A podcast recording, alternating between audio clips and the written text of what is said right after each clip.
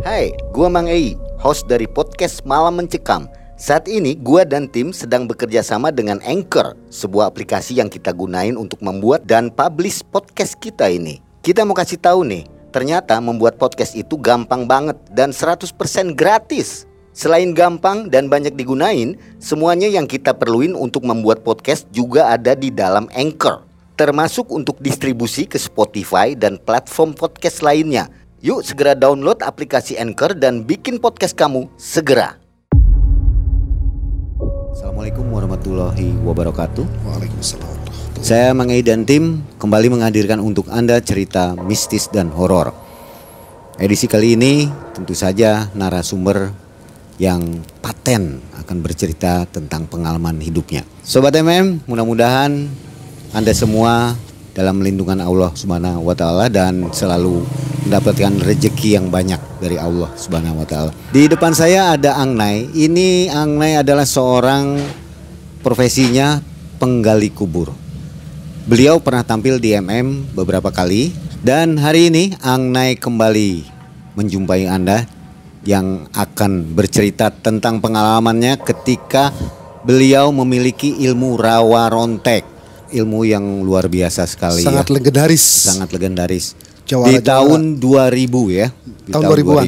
Angnai memiliki ilmu tersebut. Kita pengen tahu nih lebih lanjut ceritanya. Hmm. Angnai, apa kabar? Alhamdulillah sehat selalu. Sehat. Apa nih kesibukan sekarang? Sibukan masih bisa terbiasa bikin kegiatan aja di rumah Pak. Biar Iya. tidak bete, tidak jemu. Masih menggali kubur? Masih sekarang Masih sampai ya? sekarang juga. Katanya ada tambahan katanya bikin layangan itu ya? Bikin layangan juga alhamdulillah. Waduh. Hmm, buat kegiatan, buat seni karena di layangan tersebut ada banyak Hobi ya? Iya, oh iya sekedar, bukan sekedar penyaluran hobi, Pak. Oke. Banyak inspirasi buat pribadi diri saya. 6 bulan menekuni ilmu rawa rontek. Apa hasilnya? Silakan Kang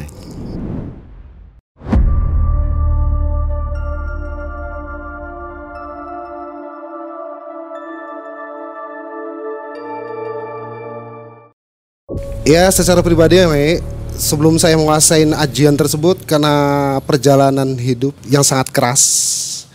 Anai sengaja ditatar sama keluarga sama ayah apalagi ayah Anai sendiri itu sangat pengen anaknya itu bermanfaat untuk keluarga. Cuman secara pribadi kan Anai dulu waktu masih muda perjalanan Anai itu sering keluar kota. Anai pengen gimana caranya badan ini ketika sampai ke perantauan itu Anai eh, tidak tidak terjadi apa-apa. Akhirnya dengan dorongan hati dan itikat yang sangat kuat, ada kabar dari teman Anai itu ngomong, Anai kalau ayah Anai pengen bener-bener ber- berguru, ning wong kang duwe ajian rawa rontek, ntar saya kasih tahu alamatnya. Ini orangnya tersembunyi Anai, karena orang pemilik ajian tersebut orangnya tidak mungkin nongol di medan-medan seperti biasa Anai, atau di tempat-tempat seperti biasa. Dia pasti bersembunyi di suatu tempat yang orang-orang itu tidak akan pernah tahu tempat tersebut. Akhirnya Anai datang dengan bekal alamat tersebut dari teman Anai di suatu tempat itu di wilayah Pasundan sana apa ya di area pesanggerahan Gunung Cakrabuana itu akhirnya dengan izin Allah Anai dipertemukan dengan seseorang yang memiliki ajian rawa rontek. Dan perjalanan prosesnya itu ketika Anai ijazah ajian rawa rontek itu tidak semudah itu Ai. Anai harus betul-betul bisa nguasain ajian tersebut selama 40 hari. Dan proses 40 hari itu ternyata susahnya luar biasa. Ketika satu hari saya puasa saya pertengahan harinya saya batal dua hari puasa saya batal tiga hari puasa saya batal. Bahkan untuk mencapai 40 hari tersebut beratnya luar biasa banyak godaan yang sangat luar biasa. Pernah apalagi badannya Anai itu di dipocong Mai badan sekujur tubuh Anai itu dipocong kayak orang yang sudah meninggal aja. Karena untuk menguasai ajian rawa rontek itu proses yang sangat luar biasa berat Mai makanya ketika Anai itu buat dan sudah dipocong ya itu suruh berendam dalam kedung air tuh Pak. Jadi kita cari air yang kedalamannya sebatas leher Mai. Itu Aneh harus direndam. Akhirnya itu godaannya luar biasa Mas. Ketika Aneh nyampe di 21 hari ya badannya Aneh udah dililit sama ular yang sangat besar Mai. Besar banget. Sampai badan Aneh udah ngerasain kejang semua Mai. karena Ane nggak kuat dengan lilitnya tersebut. Pikirnya Ane, Ane tuh pengen dimakan sama ular yang besar begitu. Itu kepalanya udah nyampe di depannya Ane Ka- karena Ane, Ane udah yakin bahwa badan saya nggak ada apa-apa, nggak bakal dimakan sama makhluk tersebut. Ane diem aja, Ane pasrah karena Ane pengen pengen nguasain ajan tersebut. Akhir, akhirnya uh, ular tersebut nggak jadi makan pak. Akhirnya proses itu berhasil tuh. Cuman godaan itu nggak nggak setelah ular itu hilang Mai. Itu ganti lagi Mai. Yang namanya jin yang bertanduk ada sekitar uh, ratusan Mai. Jin itu datang kayak marah, marah gimana cuman nggak berani nyerang Mai. Itu marah sama saya. Bahkan yang namanya air itu kayak air air kali tersebut tuh kayak umum tuh, kayak mendidih. Beletak beletuk tapi anehnya nggak panas. Makanya aneh udah diamin aja. Akhirnya air, jin itu marah ya. Airnya langsung digebrak apa digebrak sama tangannya dia itu pakai air, airnya nyampe ke mukanya aneh. Aneh cuman berucap saya kuat, saya tidak akan apa-apa. Cuman saya yakin saya tidak akan apa-apa. Saya yakin tidak akan apa. Akhirnya jin sebut ngerasa sudah tidak sanggup untuk menggoda Anai, dia pergi. Datang lagi itu pasukan anak-anak kecil. Cuman rambutnya panjang-panjang pada taringan semua itu yang namanya gigi gini, gigi si anak-anak kecil itu. Dia tuh datang datang ke Anai itu nyerang mangai, nyerang. Anai dihantemin sama apa mereka-mereka. Cuman Anai yakin badan saya tidak apa-apa. Itu mereka han- hantemin hantemin dari kanan, dari kiri, dari dep dari belakang saya udah pasrah aja berapa hari kemudian ketika saya tidak kuat untuk menguasai ajian ini mengenai ketika ada cewek cantik mengenai saya tidak kuat di situ dia datang keadaan badannya telanjang itu yang bikin naik apa aneh nggak kuat itu makanya harus proses 40 hari lagi tuh Mangai. Itu kegagalannya itu wanita datang tersebut ngegoda Mangai, ngegoda. Dia datang dan berdialek seperti manusia biasa kayak wanita-wanita biasa Mangai. Akhirnya itulah Guru Angnai datang. Kalau guru Angnai tidak datang, mungkin saya sudah terjerumus Mangai. Ikut dengan mereka de- dengan wanita tersebut. Akhirnya guru Angnai datang itu si makhluk itu langsung digebis berubah Mangai jadi wanita yang sangat menakutkan. Itu yang namanya itu berinding Mangai saya ingat berinding. Dia kukunya panjang-panjang Mangai hitam-hitam semua. Ininya taringan. Wah yang namanya mata aja melotot. Wah itu yang pengen saya gagal di situ lagi. Untung guru saya datang. Akhirnya saya proses beberapa hari kemudian sampai di empat bulan ya makanya itu empat bulan Mai. empat empat puluh hari empat bulan tapi belum berhasil Mai. masih belum berhasil sampai 40 bu apa 4 bulan tersebut untuk mencapai 40 hari itu susahnya luar biasa akhirnya ketika sampai di lima bulan ada mulai ada perubahan Mang. Saya puasa itu sanggup di 35 hari. Itu saya sudah puasa. Udah bisa mampu mengosongkan perut Mang. Itu 35 hari. Akhirnya ketika waktu untuk mencapai lima hari tersebut di enam bulan kemudiannya Mang, baru saya berhasil. Berhasil menguasai ajian tersebut. Ketika guru saya ngomong, dia nggak ngomong lagi Mang. Dia nggak ngomong. Dia ngambil golok kirain saya buat apa? Dia ngambil golok ya dia pikirin saya pengen nebang pohon mang dia natagin ke wajah saya gini mang buah bras gitu Ih, nauzubillah mang Ya, gitu. itu yang bikin saya ngeri di situ, Mai. Saya takut di situ, Mai. Pikir saya saya mati. Itu berapa menit kemudian, berapa detik kemudian itu rapat lagi, Mai. Itu yang bikin saya takjub di situ. Saya membuktikan sendiri bahwa ajian tersebut sudah bisa saya kuasai. Dan untuk membuktikannya, Mai, saya masih belum percaya kalau saya belum membuktikan di lapangan sendiri. Akhirnya ketika temen ngajak, "Aneh, ada kesempatan kerja nih." Di mana? Di daerah Jawa. Jadi kalau Aneh pengen ikut, mau nggak kata dia gitu. Ya usah, yuk. Kapan ki mangkate rencana? Yang kau bengi kian jadi aneh siap-siap aja jadi bengi. Makanya pas waktu persiapan malam aneh sudah lah udah udah pengen berangkat bang udah siap-siap bawa baju bawa bekal. Cuman aneh masih penasaran. Itu dalam perjalanan waktu pas naik ke bus mi itu calo calo di terminal mi yang bikin saya nggak ngerti calonya saya baik-baik sama calo tersebut dia kayak pengen ngejak ribut mengenai saya dia nggak ngeladenin saya nggak ngeladenin saya nggak bikin huru hara emang iya. Saya tujuannya berangkat ke sana pengen saya pengen bicara apa cuman dia tuh nggak aneh nggak ngomong nggak apa mengenai mungkin karena dia saya tidak memberikan apa yang dia maksud memberikan uang upahnya atau uang uang pa- apa uang lebihnya emang iya. Cuman dia nggak banyak basa-basi dia yang namanya belati itu masuk ke perut mengenai saya kaget mah itu perut itu teman saya pingsan saya, orang darah keluar dari perut saya. Itu darah perut dari perut itu belati aja masih nancep saya tarik sama saya. Si perut tuh. Si belati ini tuh saya tarik. Saya lepasin Mang, buang lagi. Itu yang bikin aneh subhanallah Mang. ini yang namanya perut tuh rata lagi. Nah itulah waktu saya bisa membuktikan yang pertama kali.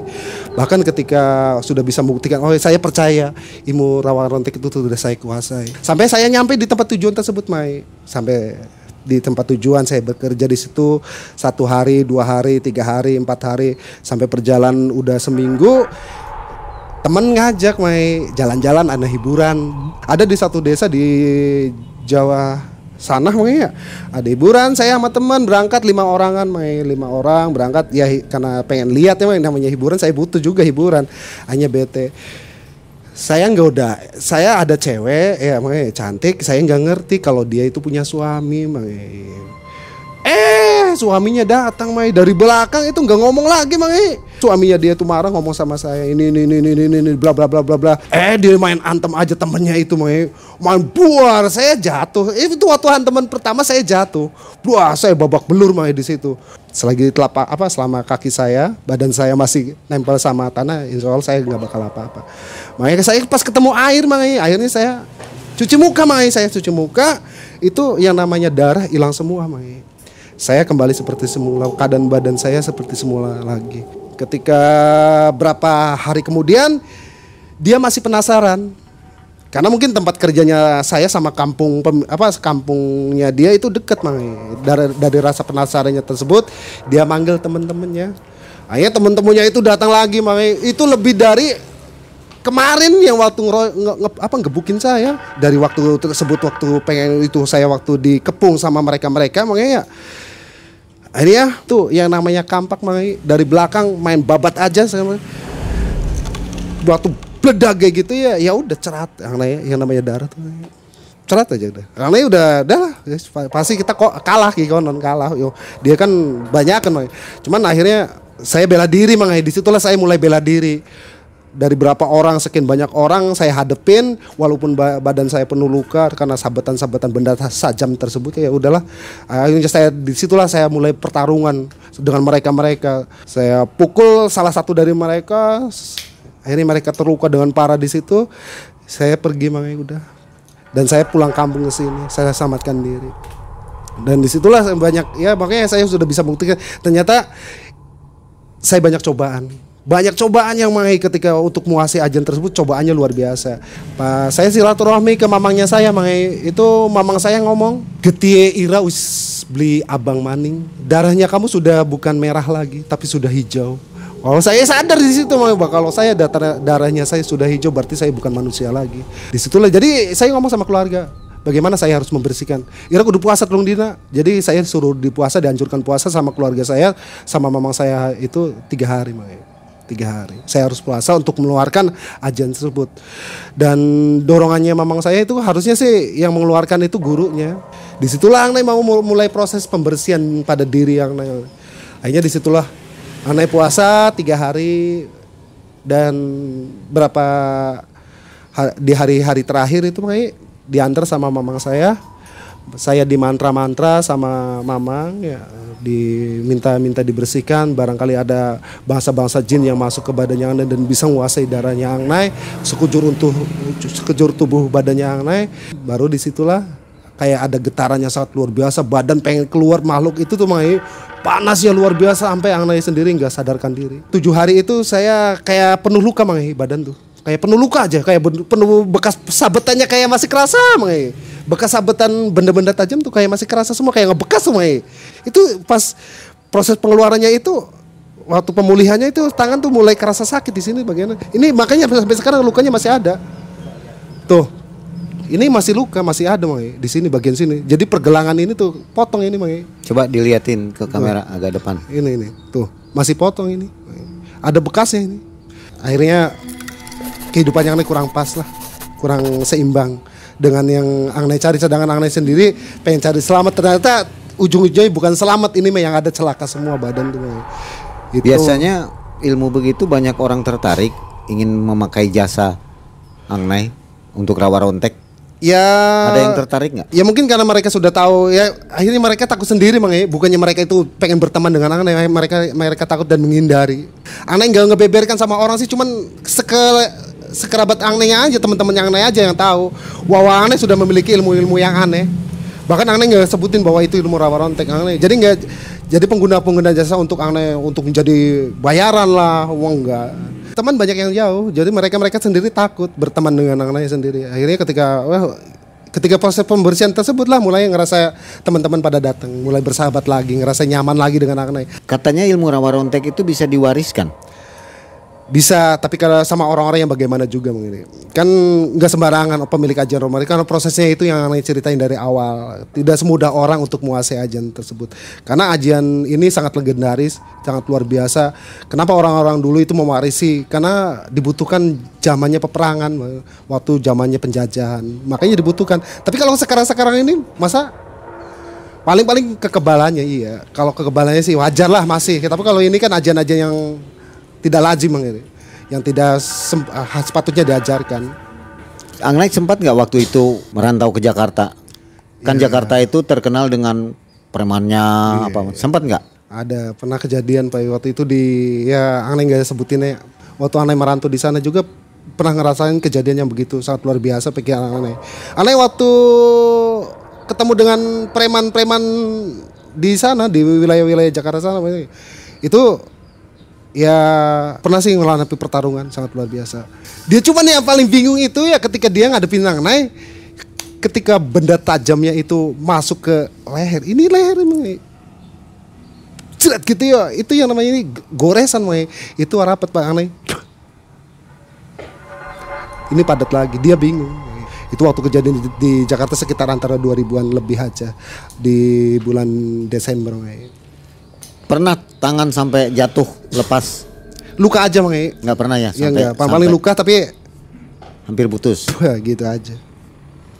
Luar biasa ya. Iya, rapat lagi Mai. Itu kalau Angnai punya emosi yang tinggi, temperamental, bisa jadi preman unggulan itu di Jakarta. Iya, mungkin dulu kalau anaknya lurunya cari carinya uang dan ke masalah apa untuk kepuasan ya mungkin jawara. Mama ngomong, bukan ini yang kamu cari, tapi sejati. Kamu harus hati-hati dalam hidup. Kamu harus jalan. Waktu awal sih mamang saya biarkan mungkin pik- pikirnya saya karena saya masih muda wajar. Saya pengen nguasain ini biar tahu sendiri perjalanan hidup tuh bagaimana. Akhirnya itulah proses penempaan pada diri mengenai menurut anak. Cuman kan kalau sekarang sekarang ini kan anak-anak muda sekarang ini kan terlalu berlebihan mengenai sedikit perkaranya apa tak tahu ribut sampai jadi ada korban jiwa sebenarnya bukan itu Mai. Oke kalau menurut saya pribadi ya sebenarnya karena itu kan singkat Mai tapi perjalanannya itu kan untuk menuju tempatnya aja sudah tempat yang jarang Angnai kenal dan tidak pernah Angnai ketahui di mana tempatnya. Itu cuman temen ngomong ada di sekitar wilayah Gunung Cakrabuana. Dan perjalanannya tersebut Mangai bukan semudah Mangai. Itu saya harus mele- apa melewati lereng-lereng gunung. Tebing-tebing jurang yang sangat luar biasa dan godaan yang sangat luar biasa. Bukan sekedar ya kalau pikirnya secara pribadi Angnai Maya ketemu dengan hal-hal yang menakutkan gitu hal yang wajar bahkan Angne dianggapnya guyonan Mange bahkan ketika Angne berhadapan langsung dengan pocong Angne giniin Mange si kepalanya tuh jadi ngapain ira ngalangi jalannya kita? Kenapa kamu ngalangi jalan saya? Apalagi ketemu sama wanita-wanita yang ketawa sendiri cekikikan sendiri itu yang dah saya gak takut turun kamu. Justru saya gitu. Jadi kayak dianggapnya mainan ah. walaupun dia ketawa di belakang Angne kayak gitu gitu nih. Jadi dia waktu Angne jalan tuh dia kayak kedengeran langkahnya Mai. Kedengeran banget. Tapi pas Angne nengok eh nggak ada gimana? Wis lah kalau saya kalau mau ikut jalan bareng-bareng itu justru saya ingin nawarin sama dia. Sok kamu yang di depan saya yang di belakang. Itu masih ngikutin di belakang Mai cuman waktu pas saya yang lewatin jembatannya pengen menuju tempat tersebut ada kan ada jembatan itu jembatannya jembatan gantung Mai dan di situlah hal-hal yang sangat mengerikan terjadi Mai Padahal itu belum mau ber- baru mau niat ya. Iya mau ke pengen menuju tempatnya aja udah kan go- godaannya sangat luar biasa. Akhirnya di jembatan gantung tersebut itu itu yang wanita jalan apa yang Angne denger ada yang orang jalan itu dia jalannya di depan mang. Itu jembatan kayak digoyang-goyang sama dia. Saya diam aja udah saya berhenti. Wah gini badan Angne itu mulai ada ketakutan mulai ah, saya takutnya saya bukan saya takut sama mereka ya takut pengen jatuh mang. Takut jatuhnya itu. Pas dari bawah Mae, saya yang lihat ada cahaya sangat luar biasa. Itu kayak kayak mainan kembang api Mae. Itu dar, buar. Yang adanya keluar dari sungai Mae. Dari sungai tersebut keluar kembang api Mae. Dor dor dor dor sangat luar biasa. Di enak kita tekan disambut kayak gitu. Justru saya gini, ah alhamdulillah saya datang ke sini saya disambut luar biasa. Kata guru saya itu bukan sambutan mereka marah dengan kedatanganmu. Intinya saya suruh pulang lagi lah. Ngapain kamu datang ke sini? Kalau sekarang suruh ke sana masih inget. Masih hafal, Mai? Masih hafal. Masih hafal. Masih hafal karena kan saya di situ 6 bulan, Mai. 6 bulan saya di situ. Makanya saya balik-balik di situ ya, saya hafal, saya kuasai. Ini kalau ada penonton yang mau berguru ke guru itu, Jangan alangkah lebih baiknya jangan. jangan ya, Iya, jangan. karena efeknya nggak ada bagusnya Iya, gitu. nggak ada bagusnya, nggak ada berkahnya, nggak ada manfaatnya. Alangkah lebih baiknya sekarang mah cari selamat. Gimana caranya cari selamat? Itu yang paling utama. Kalau disuruh milih, milih rawa rontek apa milih ilmu pelet? Saya lebih mem- beli- be- apa tidak memilih keduanya, Mang. Iya. Nggak ada benernya iya, ya. Iya, namanya yang- pelet apa sih tetap aja tujuannya merugikan semua, Mang. Alangkah lebih baiknya cinta yang paling utama kan cinta yang Allah berikan, Mang. Secara secara Allah itu ridho. Makanya di Al-Qur'an kan ya ada di An-Anfal ya ayat 63 gitu ya. Auzubillahi minasyaitonirrajim. Bismillahirrahmanirrahim. Wa alafa baina qulubihim la anfaqta ma fil ardi jami'a ma baina qulubihim walakin Allah alafa bainahum innahu azizun hakim. Dia Allah yang mempersatukan hati mereka orang-orang yang beriman. Walaupun kamu membelanjakan semua kekayaan ada di bumi ini saya kamu tidak dapat mempersatukan hati mereka. Akan tetapi Allah telah mempersatukan hati mereka dan sungguhnya Allah itu Maha perkasa lagi Maha bijaksana. Karena cinta yang paling utama itu datang dari lubuk hati bukan dari sekedar pandangan mata lubuk hati kita Bay. itu cinta yang paling tulus ada di rasanya kita dan rasanya kita mana ya terletak di kolbunya itu Gurunya masih hidup, masih sekarang masih itu umurnya beliau udah 120 an, a- sekitar antara 120 atau 130-an Bay. Masih melayani kalau ada yang minta. enggak sekarang justru mereka lebih, lebih luar biasa ya keilmuannya udah sekarang tingkat-tingkat luar biasa ketingkatan tauhid deh sekarang. Jadi sekarang justru guru yang aneh banyak mengajarkan hal-hal tauhid Sudah berubah. Udah berubah total 100 Makanya Mangi ngomong tadi 180 Angna ngomong 240 derajat Udah berubah total Umurnya 120. 20 Iya 120 tahun Beda, beda sedikit dengan saya ya. Masih Mangi pengen kayak kenal Ayo main ke sana 120 tahun tapi masih gagah ya.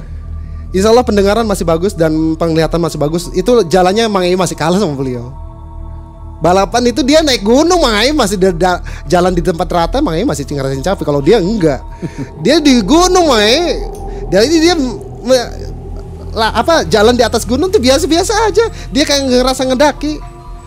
Dia biasa-biasa aja nah. Tapi kalau Mangai udah ngerasain capek Udah ngap-ngapan nafas.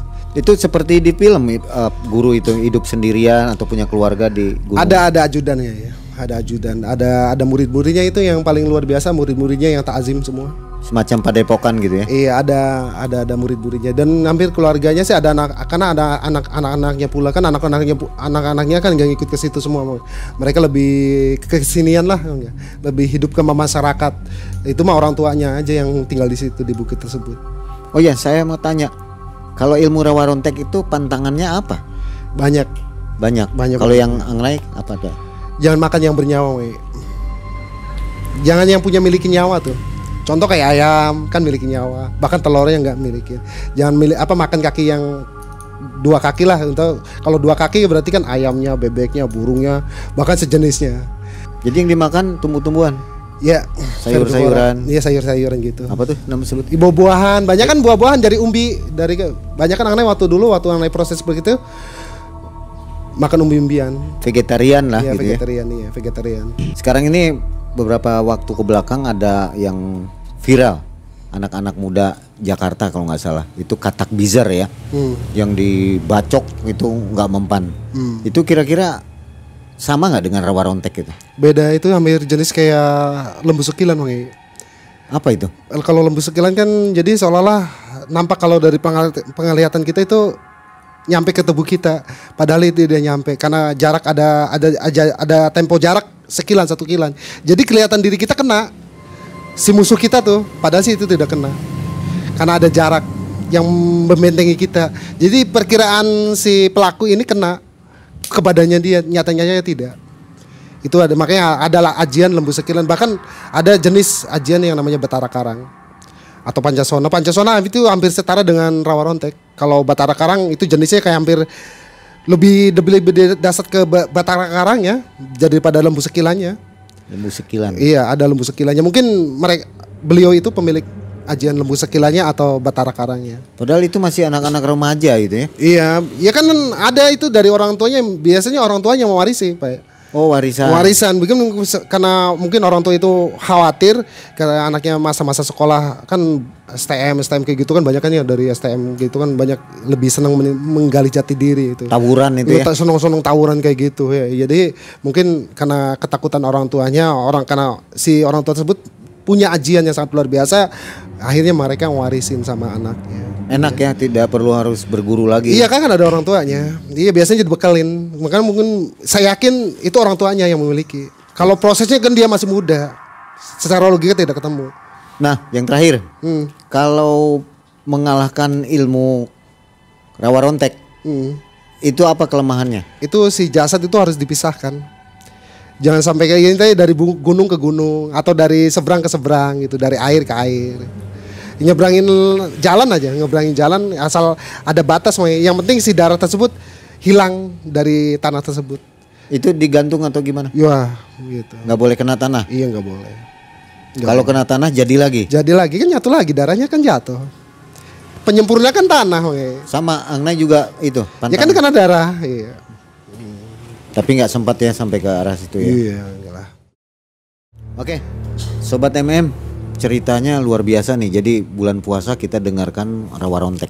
Jangan diikuti, jangan ditiru ilmu. Ya, jangan ditiru sobat-sobat, jangan. Saudara-saudaraku jangan tiru ilmu ajian ini karena tidak baik dan tidak berkah untuk keba- apa untuk keselamatan diri kita. Ya, Tidak baik. Yang baik-baik aja lah ya. Ya, betul. Minta ke Allah. Minta diberkahkan biar perjalanan kita selamat bagaimana caranya. Kebetulan ini kan bulan puasa nih. Iya. Jadi perbanyak ibadah lah ya. Iya, nahnu na'udzu minal aijin wal faizin. Alangkah kita alangkah lebih baiknya kita menjaga kebersihan jiwa kita, rohani kita, jasmani kita, mata kita, penglihatan kita, bukan sekedar kita menahan dahaga dan lapar saja, Mai. Jadi kita menahan segala-galanya emosi, kitanya, amarah kitanya, baik lamawa, lo amah, sawiyahnya sampai ketemu nafsu mutmainah, biar berkah perjalanan kita, biar diridhoi sama Allah. Karena Allah lebih senang orang-orang yang pasrah hidupnya sama Allah, berusaha sama Allah, meminta sama Allah. Kalau kalau ada hambanya yang memohon ampun Allah pasti mengampuni. Allah. Kalau Allah, kalau ada makhluknya meminta keberkahan, Allah pasti berkahi. Kalau minta ridho pasti diridhoi. Ya. Minta apa pun kalau sama Allah pasti diberi. Dulu aneh salah jalan aja itu masalah jalan. Aneh gebok ke kiri tapi insya Allah sekarang bisa ke kanan lagi. Sekarang udah lurus ya. Oh insya Allah, mustaqim. Amin. Oke, Ang Nay. Ceritanya mantap ini ya. Menginspirasi untuk kita dan ambil hikmahnya untuk kaula muda nih.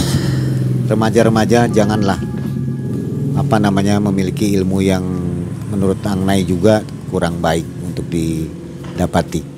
Jangan lupa untuk menunggu dan menonton video kita selanjutnya. Saya akhiri. Wabillahi taufiq wal hidayah. Wassalamualaikum warahmatullahi wabarakatuh. Waalaikumsalam warahmatullahi wabarakatuh.